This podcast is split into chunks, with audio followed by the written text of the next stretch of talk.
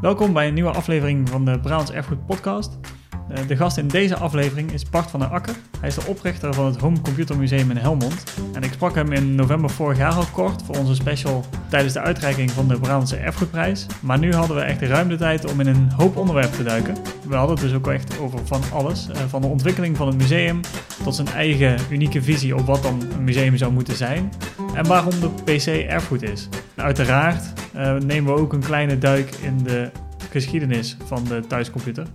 Bart, leuk dat je bent. Ja, graag gedaan. Ehm, we hebben elkaar al kort even gesproken. En voor mensen die het gehoord hebben bij de eh Brabantse Erfgoedprijs, waar ik een podcast met je heb gemaakt. Of in ieder geval, waar je, jullie toen nog een van de genomineerden waren toen Ja. ik je sprak. Uiteindelijk bleken jullie de winnaars te zijn aan het eind van de avond. Is er sindsdien voor jullie veel veranderd voor, voor het museum? Ja, sowieso is er heel veel veranderd. In diezelfde periode waren wij ook aan het verhuizen. Eh, inmiddels zijn we, zijn we verhuisd. Sinds 2 februari zitten we op onze nieuwe locatie. Dus ja, er zijn ontzettend veel veranderingen gaande sinds de, de, de nominatie en eh, eh, het feit dat wij gewonnen hebben. En een nieuwe locatie is een groter, eh, betere plek in Helmond. Ja, we zitten nu op, op een doorgaande weg, in ieder geval waar veel meer voetvolk langs loopt. De locatie is vele malen groter. We zitten nu op 1090 vierkante meter. We hebben een prachtige, ja, het is een centrumlocatie. Eh, het is aan de binnenkant prachtig afgewerkt. We hebben een netjes het plafond erin hangen. Eh ziet er aan de buitenkant mooi uit. Aan de binnenkant ziet het er mooi uit. Dus we zijn op dat gebied enorm vooruit gegaan. Echt een mooi verzorgd museumgebouw eigenlijk. We al. zijn geprofessionaliseerd. Ja, precies. Ah, mooi. En die opening was 2 februari, zei net al. eh. Ja, de heropening was 2 februari. Bij de, die avond, toen vertelde je dat je voor je gevoel musea die met techniek te maken hadden, vaak niet echt voor jou musea waren, maar meer alsof je in de collectie van een verzamelaar rondwandelde. Veelal wel, ja. Er zijn heel veel mensen die zeggen: Ik heb een museum. eh, maar eigenlijk gewoon een plek hebben waar ze dingen hebben opgeslagen Mhm. en waar je doorheen kunt lopen, zonder dat daar een, een verhaal in zit. En mijn visie is dat een museum eigenlijk altijd een verhaal moet vertellen. En het verhaal kan dus zijn een stukje geschiedenis, een, een stukje eh, denken over hoe de toekomst eruit gaat zien. En dat is ook iets wat wij op die manier proberen. Dat is dus de kern voor jou van een museum is echt het vertellen van een verhaal over een Ja. onderwerp eigenlijk. En een stukje, ja goed, dat is dan weer mijn ding, dat eh, entertainment. Ik vind eh, een museum moet ook iets te doen hebben. Mhm. Het is niet alleen plaatje kijken, want plaatje kijken, daar heb je tegenwoordig het internet voor. Een Mhm. stuk goedkoper. Kun je eigenlijk hetzelfde, kun je plaatje kijken. Ik wil een ding waar je echt dingen moet doen. Waar je lekker actief kunt zijn. Waar mensen een gevoel terugkrijgen. Een gevoel van, Nostalgie. in, in jullie geval rond computers dan. In eh, on- ons geval eh, op basis van de computer. We hebben bijvoorbeeld een computer uit 1978. Hebben wij een Mhm. bureau uit 1978. Een behang uit 1978. Een Oh ja. bureau stoel erbij uit 1978. En items op het bureau uit 1978. Dat is echt die wereld eventjes. De hele wereld, je kunt achter de computer zitten en je bent op dat moment in het jaartal van die computer. Zo moet het in ieder geval bij ons eh, uiteindelijk worden. En eh, we zijn al heel groot, eh, grotendeels op dat gebied. We zijn al enorm eh, vooruit aan het gaan. Het is echt een totaalpakket. hè? Dat is een totaalpakket. Soort van ja, experience, ervaring van... Ja. Zo, oh ja, zo was het vroeger. Misschien, oh ja, voor mij zou het 1978 niet oh ja zijn, want toen was ik er nog niet. Ehm, maar, Ik ook niet hoor. Nou, maar in ieder geval wel die wereld. En eigenlijk misschien wel de context dan van zo'n computer. Als je het, Ja. Zo zou je het ook kunnen, Ja. kunnen zeggen. We hadden het er toen ook over dat je zei van ja, musea die zich met techniek bezighouden, die worden meestal niet echt als erfgoed gezien. dat klopt. Dat is iets waar, ik, eh, waar wij heel erg tegenaan liepen. Vooral in de beginperiode. Natuurlijk hebben wij ook subsidie nodig eh, gehad in de beginperiode. En bij het aanvragen van de diverse subsidiepotjes kom je erachter dat op het moment dat je zegt ik ben een techniekmuseum of een computermuseum in ons geval, wordt daar ineens over gezegd dat is geen cultuur. Hm. En eh, dat, is, dat wordt niet als erfgoed gezien, wordt niet als cultuur gezien. En ik heb gehoord inmiddels dat andere musea, die in ieder geval iets technisch doen, eigenlijk tegen dezelfde problematiek aanlopen. Ze worden niet erkend als een cultureel iets. Terwijl ik zeg, dat is het wel. Want je kunt op dit moment een computer al niet meer wegdenken uit iemand zijn huishouden. Maar dat geldt ook voor een televisie en dat geldt ook voor een radio. Dat hoeft niet per definitie de computer te zijn. Ja, en is, is dat dan de reden dat het voor jou wel cultuur of wel erfgoed is? Is dat het nu zo vanzelfsprekend is? Of? Ik vind dat, eh, dat we nu echt op een periode zijn dat bijvoorbeeld computers die zijn... Hè, de thuiscomputer is nu 40 jaar oud, eh, Mhm. ruim 40 jaar oud. Die ontwikkeling gaat zo snel. Mensen zijn al heel vaak vergeten en dat is ook iets wat wij heel vaak zien in het museum. Mensen hebben niet eens door dat het nog niet zo gek lang geleden was dat je een cassettebandje in je Commodore uh, cassette recorder speelde, Mhm. eh, zette en een commando moest indru- indrukken om vervolgens een kwartier te wachten in de hoop dat je spelletje geladen was. dat zijn de herinner- herinneringen die nou boven komen, maar dat is wel iets wat al helemaal vergeten is. Terwijl dat eigenlijk nog niet zo heel lang geleden is. En het is allemaal nog niet zo heel lang Ja. geleden. En ik denk ook dat het op dit moment een hele goede tijd is om juist zo'n museum op te gaan zetten. Mhm. Want nu zijn er nog mensen met kennis van vroeger. En wij proberen die kennis ook eh, weer Mhm. terug te halen. Een mooi voorbeeld vind ik altijd CDI. Eh, als we het toch over Brabant hebben. Een Mhm. eh, prachtige Brabantse ontwikkeling uit de jaren 90. CDI is een product van Philips, CD Interactive. Dat was bedoeld als ja, een CD die men kon kopen, makkelijk kon aansluiten op de televisie. En vervolgens daar interactief encyclopedieën werd er vaak mee gedaan, maar ook Mhm. spelletjes en tot, tot presentaties aan toe. Dat was eigenlijk het idee wat CDI had. Het grote probleem was alleen dat CD-ROM op dat moment aan het opkomen was. Mhm. En die een heel stuk goedkoper waren dan een CDI. En eigenlijk hetzelfde doen dan als ik het En eigenlijk hetzelfde doen. Desondanks heeft het, eh, heeft het heel veel dingen betekend. Onder andere eh, alle filmpjes die je nou kijkt, dat is een, een bepaalde codering, die heet de MPEG-codering. Mhm. Die is ontwikkeld voor CDI. Hm. De video-CD is ontwikkeld voor CDI. Het feit dat die kan ook video afspelen. En dat is een, iets wat maar vier jaar, nou vijf jaar op de markt is geweest. Dat echt bekend is geweest. En daarna is het eh, Philips de stekker eruit getrokken. En die kennis, je merkt gewoon dat daar heel weinig nog mensen nog iets van weten. Daar komen heel veel mensen bij ons en die zien die CDI-speler. Oh ja, dat was ook een ding. En die beginnen daar Hmm. weer mee te spelen. En dan zijn ze toch best onder de indruk wat het toen kon op dat moment. Dus eigenlijk de dingen die we nu nog kennen op dat vlak, ja, het CD-ROM misschien minder, maar in ieder geval de, de schijfjes kennen we nog.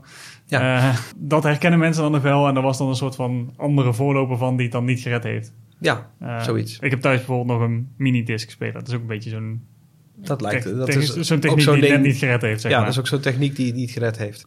En de Brabants Erfgoedprijs is dan misschien ook de bevestiging van, oh ja, het is toch wel erfgoed. Die jullie misschien niet per se in, inherent nodig hadden. In de zin van, jij, geloof, jij geloofde daar sowieso al Ik in. geloofde daar sowieso in. Ik vind het eh, vooral mooi dat wij vanuit een, een overheidsorgaan nu ook die stempel hebben gekregen. En daarmee zijn wij ook echt de eerste in Europa die de stempel erfgoed hebben gekregen Mhm. voor een technisch georiënteerd museum. Hm. En dat is iets wat ons heel veel heeft betekend, ook voor, voor de internationale musea. En voor mij heeft het vooral betekend dat de bevestiging is dat de manier waarop ik het aan het doen ben, de juiste methode Hm. is. En daarom ga ik daar ook nu mee verder, op dezelfde methode. Ik heb niet gezegd, ik heb de prijs gewonnen, dus nou ga ik achteroverleunen.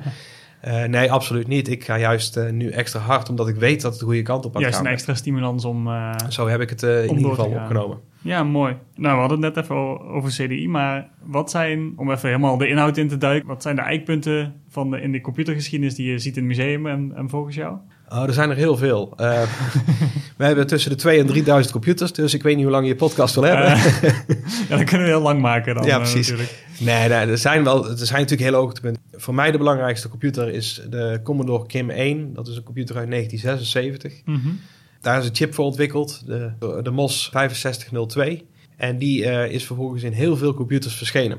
Die ene processor heeft ervoor gezorgd dat een bedrijf als Apple een computer is gaan maken. Want de originele Apple heeft die MOS 6502 ook. De meest verkochte computer aller tijden, de Commodore 64, heeft die processor ook.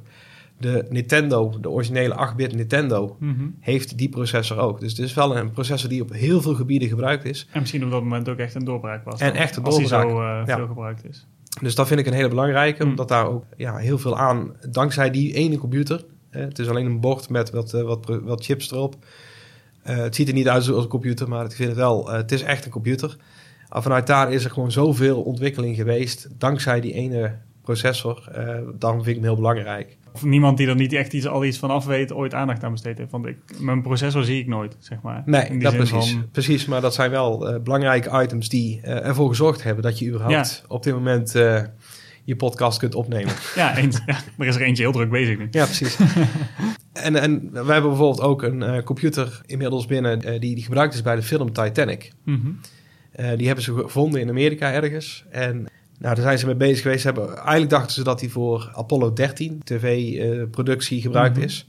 Alleen bij het zoeken van, doorzoeken van de harde schijf kwamen ze erachter dat er beelden op stonden van de Titanic. Hm. En die computer werd dus gebruikt in de film om bepaalde beelden aan elkaar te maken.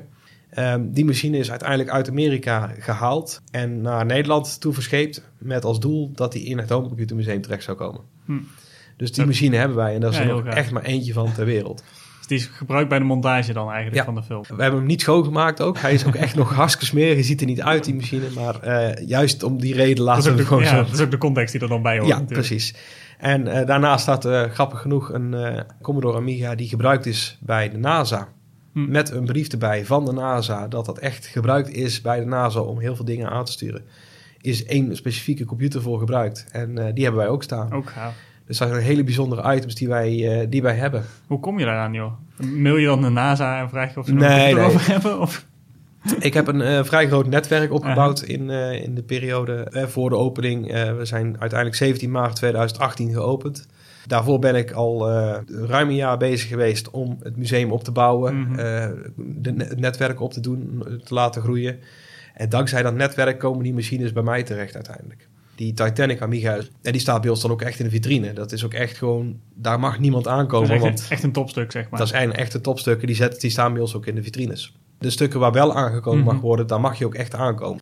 Dat is altijd het eerste wat ik vraag, mogen mensen er aankomen? En, Mhm. en als de mensen inderdaad zeggen van, nou, dat, eh, dat vinden we niet erg, dan staat hij bij ons ook aan. En dan mag je er ook aankomen. En dan Mhm. willen we dan ook graag dat je eraan komt om het ding te ervaren. Bij een computer is het, is het niet alleen het object, maar het is ook iets waar je iets mee doet. Ja. Zeg maar, in de zin van de software en de dingen die er op je scherm gebeuren, is natuurlijk ook onderdeel van het object. Het is ergens zonde om dat uit te laten staan. Ja, en bijkomend voordeel, en dat is bij het, alles elektronisch, als het uitstaat voor langere tijd, gaat het kapot. Hm.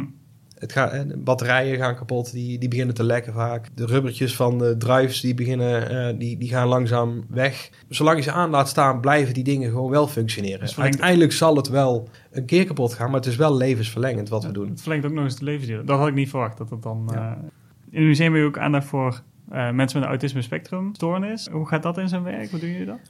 Nou, het originele concept was dat ik mensen met een autisme spectrumstoornis wilde helpen. Eh, heeft ook grotendeels Mhm. te maken met ja, familieleden die ik heb, die eh, dat ook hebben, die ook een autisme spectrumstoornis hebben, waar wat pas op late leeftijd is ontdekt. Dus wij eigenlijk het hele le- ons hele leven daarmee om, eh, om hebben moeten gaan. Zonder dat daar een label aan hing. Later in mijn loondienstcarrière heb ik ook heel veel mensen gezien met een autisme spectrumstoornis. En dat Mhm. hun ook niet goed werden behandeld. Niet werden begrepen met name. Mhm. Ik werd daardoor vaak een mediator om die mensen wel goed te benaderen vanuit management. En vanuit je persoonlijke ervaring dan ook. eh, En vanuit persoonlijke ervaring. Dus op het moment dat ik het idee kreeg voor het Homecomputer Museum, was mij ook vrij makkelijk om te zeggen: ik wil mensen met een autisme spectrumstoornis helpen. Daarbij zit daar natuurlijk een stukje dagbesteding aan, wat voor mij Mhm. een inkomstenbron zou gaan genereren. En het feit dat we daar goede vrijwilligers door krijgen. Dus het is een win-win-win Ja. situatie. Ik help mensen, ik krijg er eh, vrijwilligers door en ik krijg er geld voor. En dat is eigenlijk de hoofdzakelijke reden waarom dat ik ermee ben begonnen. Die repareren dan computers? Of? Ja, wij, wij dagen ze uit. Mensen met autisme hebben vaak een sociaal eh, stoornis. Of in Mhm. ieder geval, die zijn sociaal wat achtergebleven. Daar helpen wij ze mee. Bijvoorbeeld door ze bij de kassa neer te zetten. Om Mhm. eh, kaartjes te verkopen. Rondleidingen te geven. De meeste mensen die beginnen bij ons en die gaan in de reparatie. Want dat doen wij dus ook voor particulieren. Repareren wij computers. Mensen kunnen dus ook een computer brengen naar het Home Computer Museum. Die repareren wij gewoon. Hm. Eh, dus dat wordt ook gedaan door, eh, door die mensen. En wij verkopen ook weer refurbished laptops, maar ook refurbished computers. En die krijgen wij binnen. En ook die jongens met een autisme spectrumstoornis knappen die laptops op, die refurbishen ze. En wij zetten ze weer in de winkel en verkopen ze weer. Hm. En daar zit ook weer een stukje geld in wat wij kunnen gebruiken om het museum weer te kunnen draaien. Ja, gaaf. Ja, heel veel mensen, jullie hebben er iets aan, zij hebben er iets aan. Iedereen Eh, heeft er wat aan. En uiteindelijk, eh, die mensen die waren ook ontzettend gelukkig. Wij hebben ook vrijwilligers bij ons. Daarvan is de moeder een keer binnengekomen. En die zegt, ja, sinds, eh, sinds hij hier werkt, heeft hij weer zin in het leven. Hij praat er weer over. Hij heeft echt zin om hierheen te komen. En, en dat zien wij ook gewoon echt terug. Die jongens die Oh, komen vaak eh, uit, een, eh, uit de schulp en die komen bij ons terecht. In het begin zijn ze heel erg verlegen Mhm. en terughoudend. Maar binnen no time eh, zijn ze onderdeel van de, van de familie geworden. Ja. Wel mooi om te zien, lijkt me. Dat vind ik ontzettend mooi om te zien, ja. Die ontwikkeling ziet. En wat zijn de toekomstplannen nog voor het museum? We hebben ongelooflijk veel toekomstplannen. We, blijven, we blijven maar groeien. We zijn al heel erg bezig om, om andere musea te helpen. Met name computermusea door, door heel Europa proberen wij te helpen op de manier waarop wij het doen. Uh, we gaan dat ook doen voor musea binnen Nederland, algemeen musea. Uh, gewoon om te laten kijken van hoe dat bedrijf zelfstandig kan worden. Dus niet, niet afhankelijk meer van een subsidie van een gemeente of van een ander overheidsorgaan. Voor het museum zelf zijn wij hele nieuwe dingetjes aan het doen. We gaan uh, onder andere kijken naar taxaties. Of wij taxaties mogen gaan uitvoeren voor elektrotechnische apparaten. Uh, we gaan uiteraard steeds meer computers erin zetten. steeds mooiere collecties. zeer binnenkort krijgen wij de grootste CDI-collectie ter wereld. Dus Philips heeft ooit al die CDI's hadden ze een kopie van. Elke mhm. CDI die ooit uitgekomen is, had Philips een kopie van. Handig. Die verzameling is bij een particulier in handen gekomen en die staat nu opgeslagen her en der. Mhm. En die heeft ons benaderd, mag ik hem alsjeblieft bij jullie neerzetten? Dus wij krijgen die volledige collectie CDI en dat is een unicum in de wereld. Daarnaast zijn wij ook ja, op internationaal niveau zijn wij op dit moment een van de grotere musea aan het worden. Mhm. Er komen hele grote YouTubers komen naar ons toe, directeuren. Ze komen, ik heb toevallig gisteravond iemand gesproken, die komt uit uh, Zuid-Afrika. Die komt even voor een weekendje over naar Helmond om uh, naar het Hoopcomputermuseum te komen. Ja, dus dat zijn... Uh, als, goed, als goed voorbeeld in de, in de techniekmusea of in de computer. Ja, gewoon, ook, gewoon omdat, die, omdat wij ook heel erg op internet actief mhm. zijn. Ja, dat zit natuurlijk ook een beetje in de aard van, het, van ja, de organisatie zit, dan natuurlijk. Ja, en we zijn, en iedereen vindt het hartstikke mooi wat te doen. Ja. ja, dat is natuurlijk hartstikke leuk om te zien. En we gaan daar nog verder op uitbouwen. Ja, tof. Ik ben heel benieuwd. En als mensen benieuwd zijn, dan kunnen ze langskomen. Ja, we zijn woensdag tot en met zondag open. Dus je kunt ook een tour nemen, die duurt ongeveer drie uur bij ons. Dus. die kan natuurlijk zo lang duren als ze willen, bijna. Denk ik. Uh, bijna wel, ja, maar ik hou het meestal op drie ja, uur. Precies. nou, heel erg bedankt. Graag gedaan. Uh, en uh, succes. Komt helemaal goed. Tijd. En zoals altijd vind je achtergronden bij de aflevering op de afleveringspagina. En die vind je weer het makkelijkste via brandserfgoed.nl slash podcast. En op de afleveringspagina zal ik ook een linkje zetten naar het gesprek wat ik had, onder andere met Bart tijdens de uitreiking van de Brabantse Erfgoedprijs. En als je de geschiedenis van de thuiscomputer nou een heel interessant onderwerp vond, houd dan vooral de social media van het Home Computer Museum in de gaten. Uh, ze kunnen nu natuurlijk niet open, dus geven ze regelmatig virtuele rondleidingen via een livestream. En mocht je in de buurt wonen en weer eens een keer zo'n oud spelletje willen spelen, dan kan dat nu ook, uh, want sommige museumstukken van ze zijn nu te huur voor één of twee dagen. En wil je tot slot op de hoogte blijven van al het andere op brabantserfgoed.nl. Schrijf je dan vooral in voor de nieuwsbrief. En dat kan via brabantserfgoed.nl slash nieuwsbrief.